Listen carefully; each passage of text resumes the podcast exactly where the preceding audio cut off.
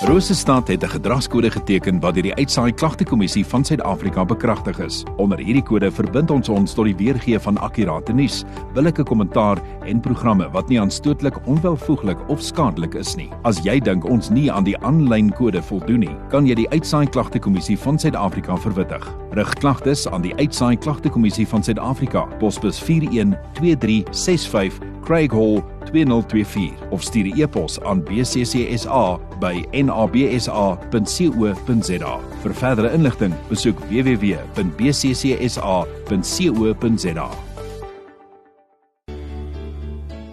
Tyd vir oggendgodsdiens op 100.6 FM. Die oggendgodsdiens hierdie week dan nou ook vir ons gelei deur pastoor Marius Jacobs van die AGS en uh, pastoor, welkom weer terug in die ateljee.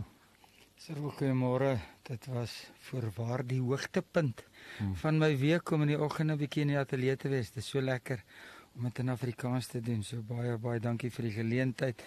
Ek wil vanoggend 'n uh, bietjie stil staan as Jesus sê kom. Weer ons gedeelte van die laaste 2 dae Matteus 14 vers 22 as Jesus sê kom.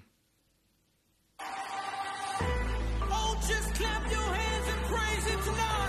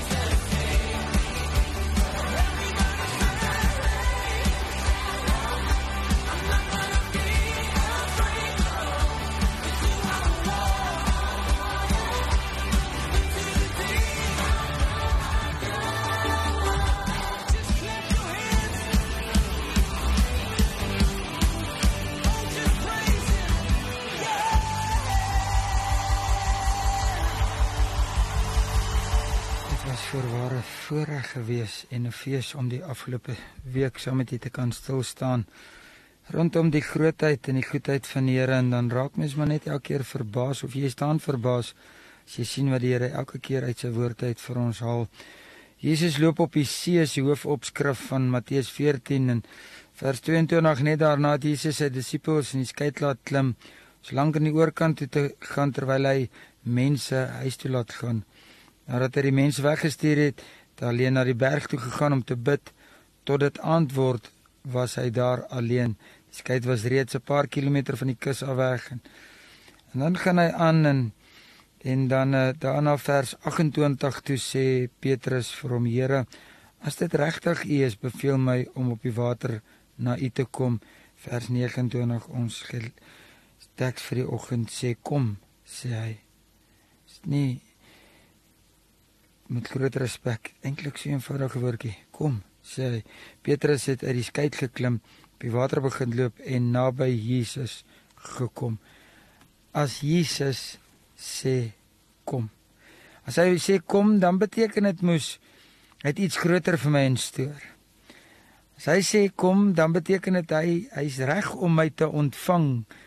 Hy's reg om die deur oop te maak hy's reg sy arms is oop hy sê kom jy as ouer sal nie vir jou sê kind sê kom eet by my as daar nie kos is nie of kom saam met my as jy nie iewers heen gaan nie. Jy's reg. En net so is Jesus reg vir Petrus en hy sê kom. Ek wil hê jy moet vandag toelaat om die Here toe te laat om sommer net met jou te praat en jouself in te stel om die roepstem van die Here te hoor as hy vandag vir jou sê kom. Dit sal so werklik wees soos wat dit vir Petrus was kom. En as jy dink die woordjie kom, dan beteken dit jy kan dit doen, kom. Dit beteken dis jou beurt kom. Dit beteken begin nou. Kom, dis die eerste tree is, is jy begin. Breek weg van jou angs af. Lewe jou geloofslewe. Kom beteken Jesus, die groot ek is, sê vandag vir jou kom. So baie kere lewe ons onder ons potensiaal want ons wil moes altyd veilig wees. Die veilige ding doen en altyd moes veilig wees en alles seker maak dis veilig. En vandag sê die Here kom. Kom oor die rand van jou gemaksone. Kom oor die rand van die voorspelbare na die onvoorspelbare. Kom oor die rand van die vo voorspelbare sogenaamde veilige sone. En soms sit ons in hierdie gemaksone en, en ons praat net oor dit wat ons vir die Here wil doen en nog eendag gaan doen. Wat gaan jy doen as die Here vandag vir jou sê kom? Gaan jy regtig daai naald en garing neersit? Gaan jy regtig daai ou verfkwassie of dalk daai koekepanne gaan jy dit dalk neersit? Mag ons dalk nooit of ons mag dalk nooit fisies soos Petrus uit die boot uit hoef te klim en op water te loop nie. Ons mag dalk nooit in sy sogenaamde skoene staan nie. Die skoene van die van die dreigende dreigende storm en in die boot alleen en sal ons ooit verstaan wat daai oomblik deur hom gegaan het en wat deur sy kop en deur sy hele mens wees. En dit klink so opgewonde en dit klink so bemoedigend, maar kan ek maar vanmôre eerlik wees, ou Cyril? Ek het geen behoefte om op water te loop nie. Regtig nie. Ek ek het net nie daai behoefte nie. En al mag ons dalk nie soos Petrus op water loop nie, sal ons iewers ter daai selfde geloof moet dupliseer. Daar gaan tye wees wat jy sal moet kies tussen die hoë pad of die laer pad. En om die hoër pad te kies beteken jy sal sekere goed moet laat gaan en jy sal sekere goed moet doen. Jy sal moet uit die boot uit klim, jy sal jou boot moet los, jy sal op die water moet loop. Die hoë pad beteken wat hy sê, hoër geloof. Dit verg 'n sekere geloof om om die storm aan te durf. Dit verg 'n sekere geloof om uit te klim en los te breek. Dit verg 'n sekere geloof om standvastig te wees as die storms woed. Dit verg 'n sekere geloof as die finansies en die gesondheid en in die familie en alles sommer net nie lekker is nie. Dit verg 'n sekere geloof. so baie mense kritiseer die wat agtergebly het op die boot en en ons spandeer so baie tyd aan nou Petrus wat wat uitgeklim het en geloop het en ons gaan nou terugkom na hom toe. Kan ons vir 'n oomblik stil staan by die wat agtergebly het? gekies het om te bly sit. En so baie keer dan dan kritiseer ons hulle. Ek wil vandag vir jou sê moenie. Hoeveel geloof het dit tog nie vir hulle ook gekos om in die boot te bly nie. Hoeveel geloof het dit nie gekos om om daar te staan en te sê dit maak nie saak van die storms nie ek gaan vashou al is dit aan die boot ek gaan vashou en dis waar hulle gebly het Hulle het vasgehou en hulle het deurgedruk. Hulle het aan die ander kant uitgekom. Ek veroordeel hulle nie. Hulle het deur die storm gegaan. Hulle het aan die ander kant uitgekom. Hulle het dit gemaak. Jy sal dit maak. Kyk terug 2023. Seker die moeilikste jaar in 'n lang tyd. Baie hoogtepunte, baie laagtepunte baie letsels, baie seer, baie hoekoms, baie waaroms jy dit gemaak. Kyk waar staan jy? Kyk waar sit jy vanmôre? Dit het dalk nie gevoel asof jy dit gaan maak nie. Mense het dalk nie gedink jy gaan dit maak nie. Mense het dalk gesê jy gaan dit nie maak nie. Kyk waar is jy vandag? So ek kritiseer hulle glad nie.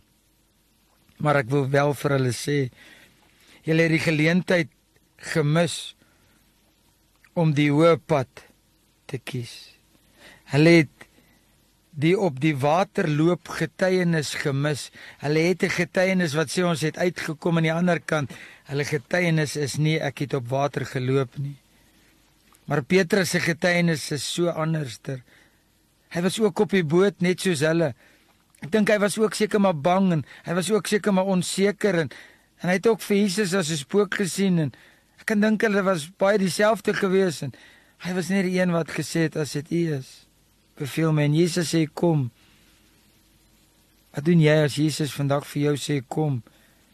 Sal jy werklik jou besighede los vir jou roeping? Sal jy werklik opstaan en sê want die stem van die Here het vir my gesê kom. Ek kan dit doen. Al wat ek nodig het is is net een woord. Al wat ek nodig het is net die stem van die Here. En daar's duisende stemme daar buite en jy kan dit doen of dalk sê jy kan dit nie doen nie. Baie stemme wat wat jy moet inpraat en baie stemme wat sê jy's besig om jou tyd te mors. As ek en jy vandag kan onderskei tussen al daai stemme en die unieke stem van die groot ek is wat vandag vir jou sê kom. Kom ek het nodig dat jy dat jy vir iemand moet bel. Ek het nodig dat jy iemand 'n drukkie moet gee. Ek het iemand ek het nodig dat jy iemand moet moet optel met woorde. Ag, ag ek het iemand nodig. Kom. En as die Here sê kom dan kan ons die onmoontlike doen. Petrus het net een woord gehad. Kom en is al wat hy nodig gehad het ek kan net dink dat die ander disippels met hom geargumenteer het Sou Petrus jy kan nie. Petrus jy is kosbaar. Petrus wat van jou vrou, wat van jou kinders, wat van jou geliefdes? Petrus die Here het vir jou so baie gegee. Jy kan nie uitklim nie. Petrus hou net vas, moenie. Ag Petrus, ek smeek, ek kan net indink. Dit was 'n argument om hom te probeer oortuig om nie te gaan nie. Maar as die Here sê kom, kan ek en jy nie maar hoor nie. Partytjies om om aan die boot vas te hou en Petrus het gekies om om uit te klim. Toe hy uitklim, toe klim hy in die nuwe lewe wat die Here vir hom het in. Toe hy begin beweeg, toe beweeg hy in dieselfde realm, realm as Jesus. Dink gou bietjie. En die woord van die Here sê hy het naby Jesus gekom. Jesus het hom nie forceer nie. Hy het hom nie gedreig nie. Hy het hom 'n geleentheid gegee en so gee hy vir my en jou daagliks geleenthede. Ja, jy kan of of jy jy hoef nie. Jesus het net die pad gebaan tot 'n nuwe salwing. Net die pad gebaan tot die nuwe Petrus. Een tree trek die lyn tussen doeners en kykers. Hy was die doener gewees en hy het uitgeklim en en in die boot was vol kykers gewees. Ja, hulle het dit ook gemaak, maar maar die maar die laappad gekies. Wat kies jy vandag? Sal jy regtig gaan as die Here jou roep? Kom. As Jesus sê kom, spraak van een man wat alles gelos het om om aan die woord van die Here gehoor te gee. Mense mag dink jy's mal. Mense mag dink jy's besig om om dit te verloor. Mense mag jou kritiseer. Ja, mense mag jou en sal jou 10 teen 1 spot. Hoe gaan jy dit regkry? Dis nie hoe ek dit gaan regkry nie. Dis die unieke stem wat ek gehoor het. Die keuse is vandag myne en die keuse is joune. Iemand klim uit jou boot uit. Een woord het Petrus se lewe gespaar en sy lewe verander. As die Here vandag vir jou sê, kom, sal jy werklik alles los en gaan? Ja, die storms woed. Ja, dis onseker. Maar die unieke stem van die Here is waarna ons vashou. Petrus het nie verdrink nie. Ek en jy sal ook nie. Die Here het nie vir Petrus alleen gelos toe hy begin sink nie. Hoekom dink jy hy sal jou alleen los? Jesus sal jou nie roep as hy jou nie bo kon hou nie. Jesus sal jou nie roep as hy jou nie kon ophou nie. Jesus roep ons vandag. Kom. Kan ons nie mag gaan nie. Kom ons sluit ons so. Here, dankie dat ons vandag weet. So mooi verhaal. Maar daar's 'n doen gedeelte in die verhaal. En daai doen gedeelte is my gedeelte. Kom. En dis al wat ons vandag wil sê. Here, ek stel myself bereid. Ek sal gaan waar U my wil hê. Ek sal sê, ek sal doen. Ek sal lief hê. Here, ek sal omarm.